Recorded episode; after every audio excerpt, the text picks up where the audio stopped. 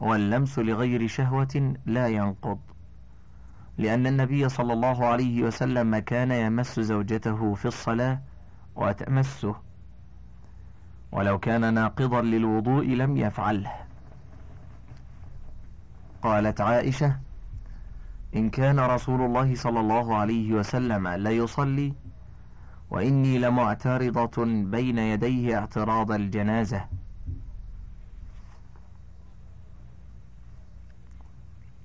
فإذا أراد أن يسجد غمزني فقبضت رجلي. متفق عليه. وفي حديث آخر فإذا أراد أن يوتر مسني برجله. وروى الحسن قال كان النبي صلى الله عليه وسلم جالسا في مسجده في الصلاة فقبض على قدم عائشة غير متلذذ. رواه إسحاق بإسناده والنسائي. وعن عائشة قالت فقدت النبي صلى الله عليه وسلم ذات ليلة فجعلت أطلبه فوقعت يدي على قدميه وهما منصوبتان وهو ساجد وهو يقول أعوذ برضاك من سخطك. وبمعافاتك من عقوبتك. رواهما النسائي ورواه مسلم. وصلى النبي صلى الله عليه وسلم حاملا أمامة بنت أبي العاص ابن الربيع إذا سجد وضعها وإذا قام حملها. متفق عليه.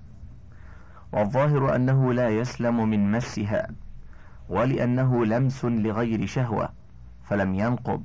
كلمس ذوات المحارم. يحققه أن اللمس ليس بحدث في نفسه وإنما نقض لأنه يفضي إلى خروج المذي أو المني فاعتبرت الحالة التي تفضي إلى الحدث فيها وهي حالة الشهوة. فصل ولا فرق بين الأجنبية وذات المحرم والكبيرة والصغيرة.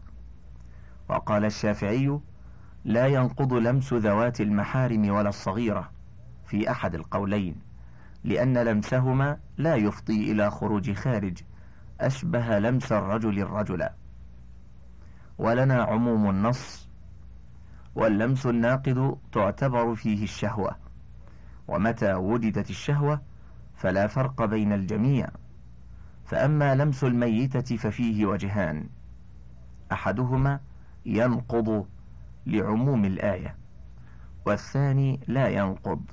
اختاره الشريف أبو جعفر وابن عقيل لأنها ليست محلا للشهوة فهي كالرجل. فصل. ولا يختص اللمس الناقض باليد بل أي شيء منه لاقى شيئا من بشرتها مع الشهوة انتقض وضوءه به سواء كان عضوا أصليا أو زائدا. وحكي عن الأوزاعي لا ينقض اللمس إلا بأحد أعضاء الوضوء. ولنا عموم النص والتخصيص بغير دليل تحكم لا يصار إليه. ولا ينقض مس شعر المرأة ولا ظفرها ولا سنها. ولا ينقض مس شعر المرأة ولا ظفرها ولا سنها. وهذا ظاهر مذهب الشافعي. ولا ينقض لمسها بشعره ولا سنه ولا ظفره لأن ذلك مما لا يقع الطلاق على المرأة بتطليقه ولا الظهار. ولا ينجس الشعر بموت الحيوان ولا بقطعه منه في حياته. فصل.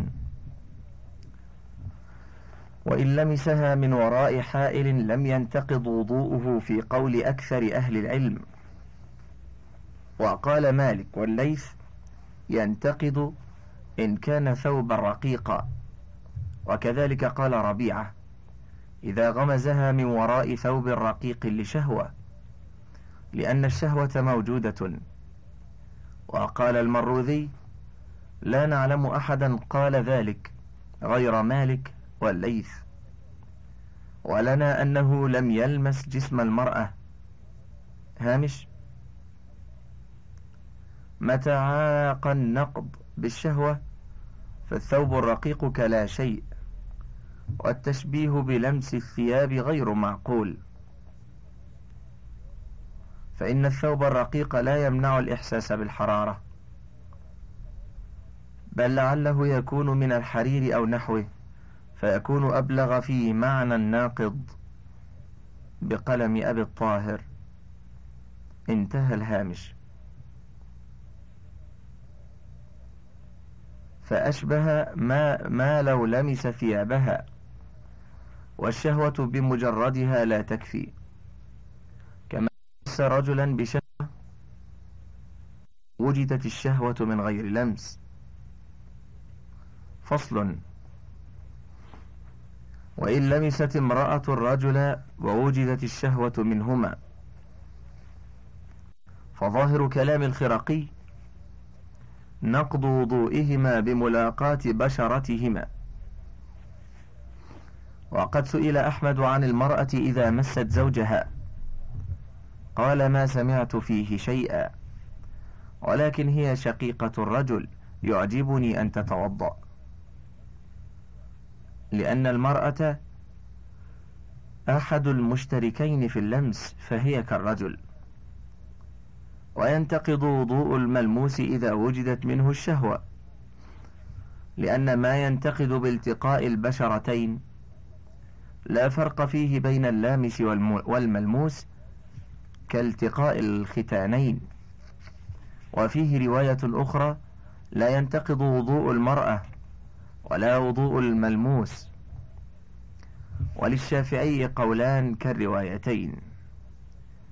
ووجه عدم النقض أن النص إنما ورد بالنقد بملامسة النساء فيتناول اللامس من الرجال فيختص به النقد كلمس الفرج ولأن المرأة والملموس لا نص فيه ولا هو في معنى المنصوص لأن اللمس من الرجل مع الشهوة مظنة لخروج المذي الناقض فأقيم مقامه ولا يوجد ذلك في حق المرأة. والشهوة من اللامس أشد منها في الملموس وأدعى إلى الخروج فلا يصح القياس عليهما. وإذا امتنع النص والقياس لم يثبت الدليل هامش بل علة القياس واضحة جدا.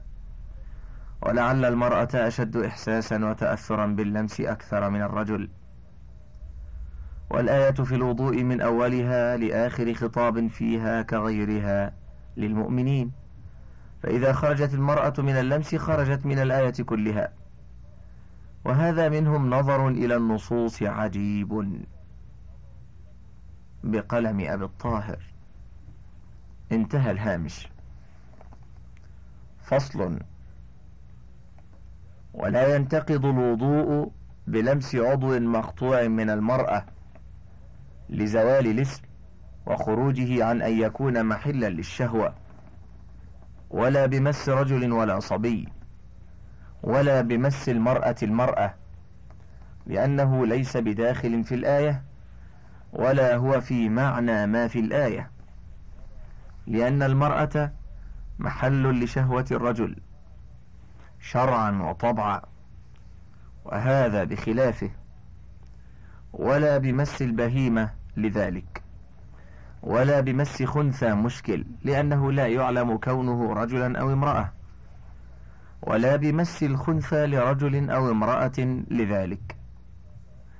والأصل الطهارة فلا تزول بالشك ولا أعلم في هذا كله خلافا والله أعلم. مسألة.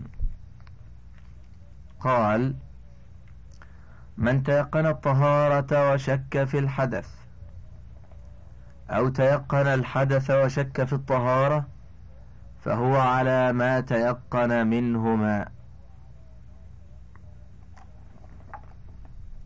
يعني إذا علم أنه توضأ أو شك هل أحدث أو لا بنى على أنه متطهر وإن كان محدثا فشك هل توضأ أو لا فهو محدث. يبني في الحالتين على ما علمه قبل الشك ويلغي الشك. وبهذا قال الثوري وأهل العراق والأوزاعي والشافعي وسائر أهل العلم فيما علمنا إلا الحسن ومالكا فإن الحسن قال إن شك في الحدث في الصلاة مضى فيها وإن كان قبل الدخول فيها توضأ.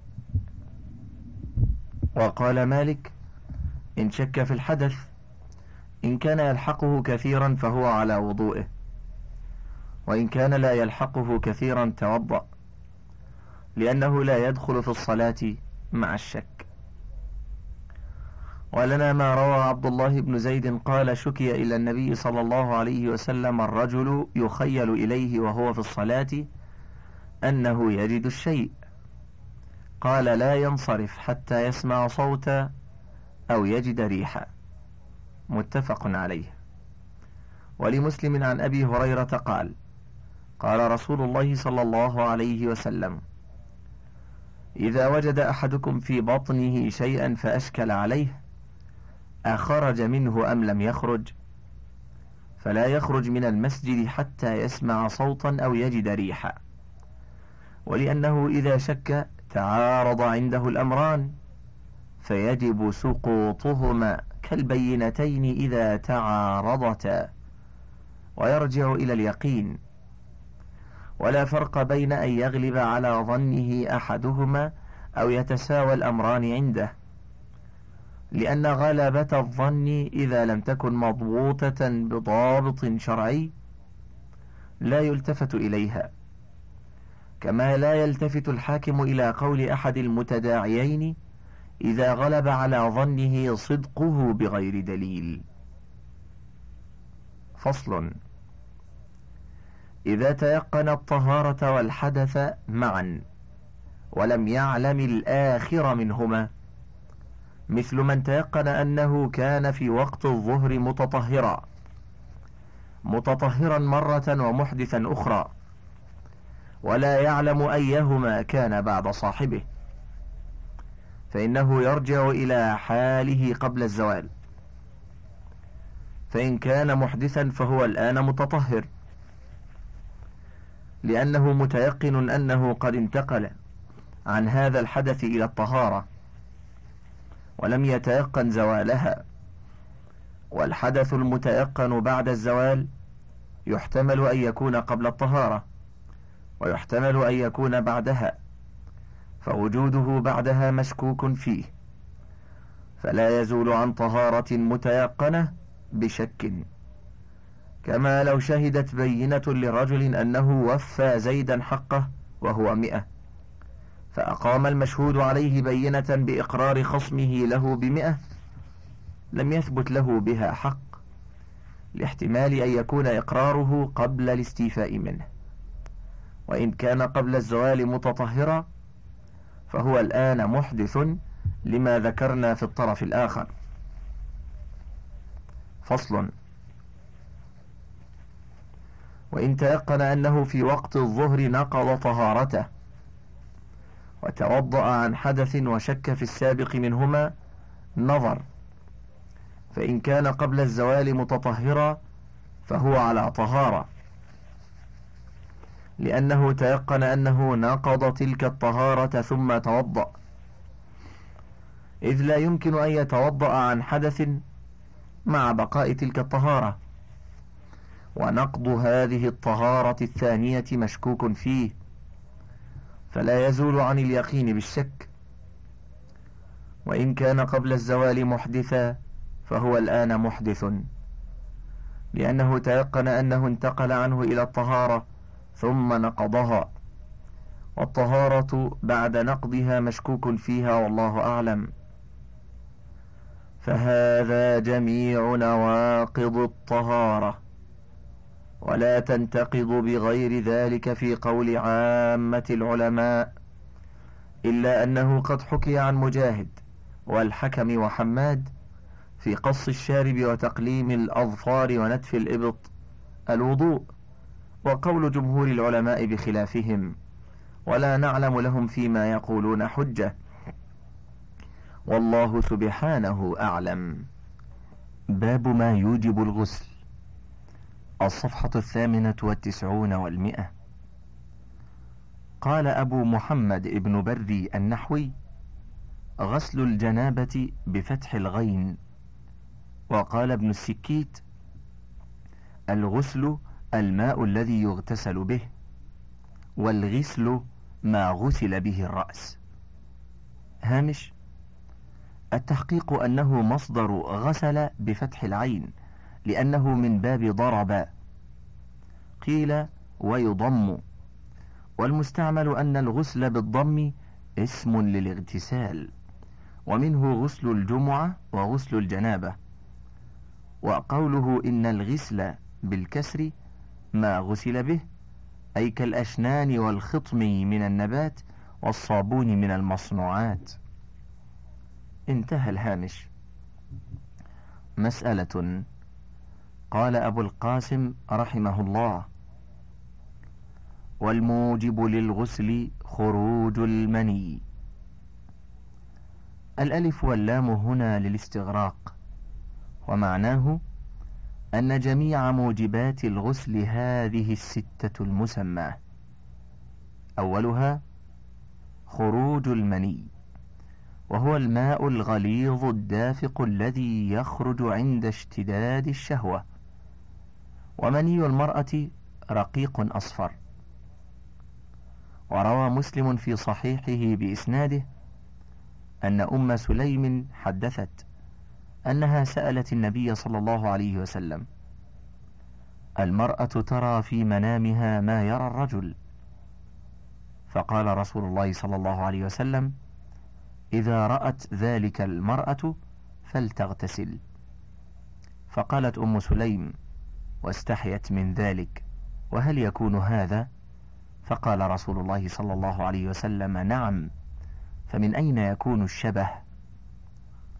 ماء الرجل غليظ أبيض وماء المرأة رقيق أصفر فمن أيهما على أو سبق يكون منه الشبه؟ وفي لفظ أنها قالت هل على المرأة غسل إذ هي احتلمت؟ فقال النبي صلى الله عليه وسلم نعم إذا رأت الماء. متفق عليه. فخروج المني الدافق بشهوة يوجب الغسل من الرجل والمرأة في يقظة أو نوم. وهو قول عامة الفقهاء قاله الترمذي ولا نعلم فيه خلافا فصل.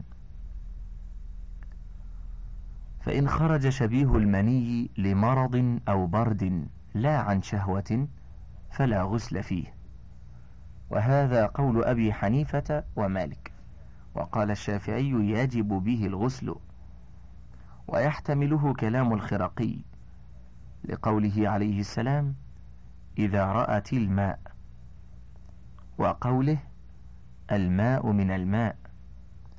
ولأنه مني خارج فأوجب الغسل كما لو خرج حال الإغماء. ولنا أن النبي صلى الله عليه وسلم وصف المني الموجب للغسل بكونه أبيض غليظا. وقال لعلي إذا فضخت الماء فاغتسل. رواه أبو داود والأثرم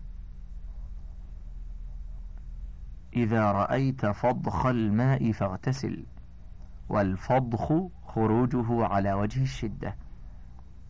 وقال إبراهيم الحربي خروجه بالعجلة.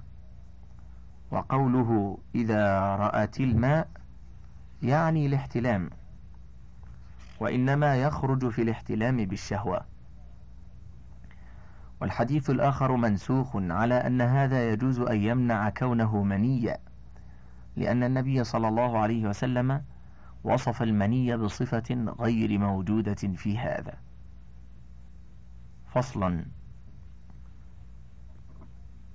فإن أحس بانتقال المني عند الشهوة فأمسك ذكره فلم يخرج فلا غسل عليه في ظاهر قول الخرقي وإحدى الروايتين عن أحمد وقول أكثر الفقهاء.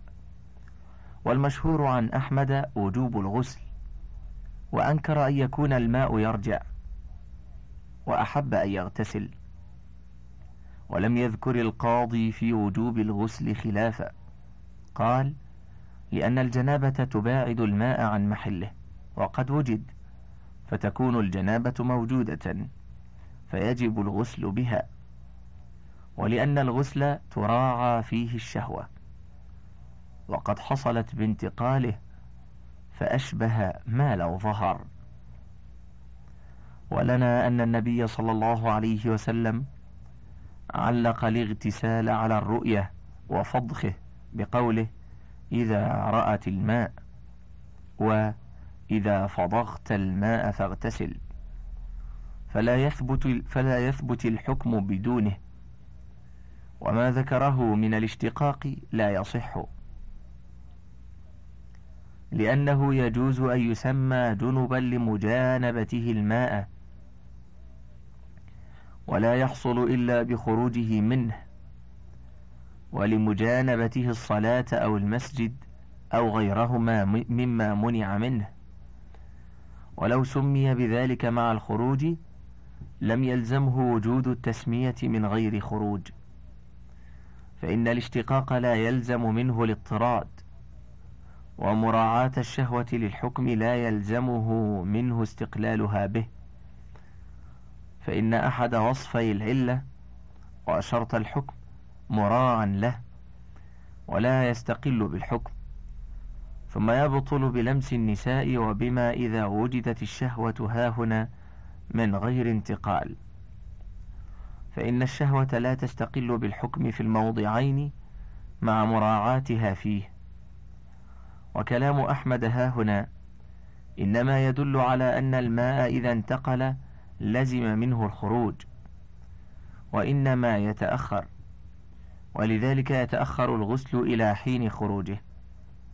فعلى هذا إذا خرج المني بعد ذلك لزمه الغسل سواء اغتسل قبل خروجه أو لم يغتسل لأنه مني خرج بسبب الشهوة فأوجب الغسل كما لو خرج حال انتقاله.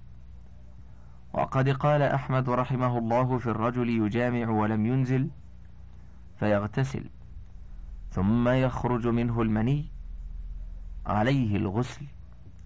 وسئل عن رجل رأى في المنام أنه يجامع فاستيقظ فلم يجد شيئا فلما مشى خرج منه المني. قال يغتسل. وقال القاضي في الذي أحس بانتقال المني فأمسك ذكره فاغتسل ثم خرج منه المني من غير مقارنة شهوة بعد البول. لا غسل عليه. رواية واحدة. وإن كان قبل البول فعلى روايتين لأنه بعد البول غير المني المنتقل خرج بغير شهوة فأشبه الخارج لمرض. وإن كان قبله فهو ذلك المني الذي انتقل. ووجه ما قلنا أن النبي صلى الله عليه وسلم أمر بالغسل عند رؤية الماء وفضخه. وقد وجد. ونص أحمد على وجوب الغسل على المجامع الذي يرى الماء بعد غسله. وهذا مثله.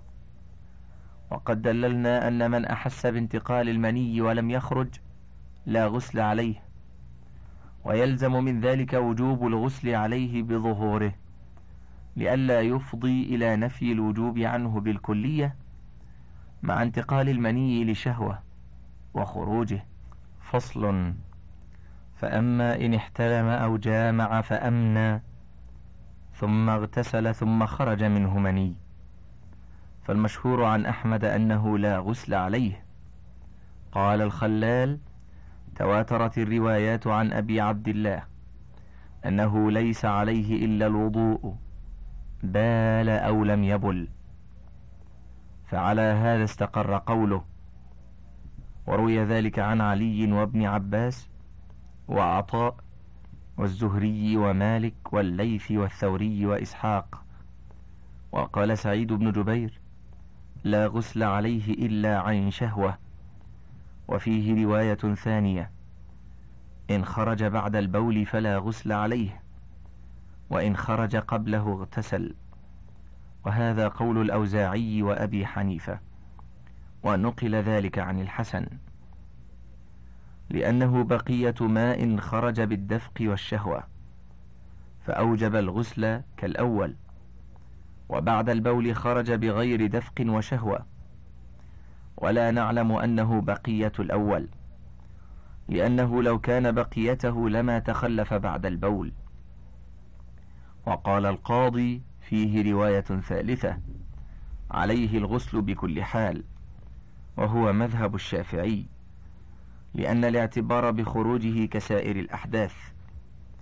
وقال في موضع آخر لا غسل عليه رواية واحدة لأنه جنابة واحدة فلم يجب به غسلان كما لو خرج دفعة واحدة. والصحيح أنه يجب الغسل لأن الخروج يصلح موجبا للغسل وما ذكره يبطل بما إذا جامع فلم ينزل فاغتسل ثم أنزل. فإن أحمد قد نص على وجوب الغسل عليه بالإنزال مع وجوبه بالتقاء الختانين. فصل. إذا رأى أنه قد احتلم ولم يجد منية فلا غسل عليه. قال ابن المنذر أجمع على هذا كل من أحفظ عنه من أهل العلم. لكن إن مشى فخرج منه المني أو خرج بعد استيقاظه فعليه الغسل نص عليه أحمد. لأن الظاهر أنه كان انتقل وتخلف خروجه إلى ما بعد الاستيقاظ. انتهى الشريط العاشر. وللكتاب بقية على الشريط التالي.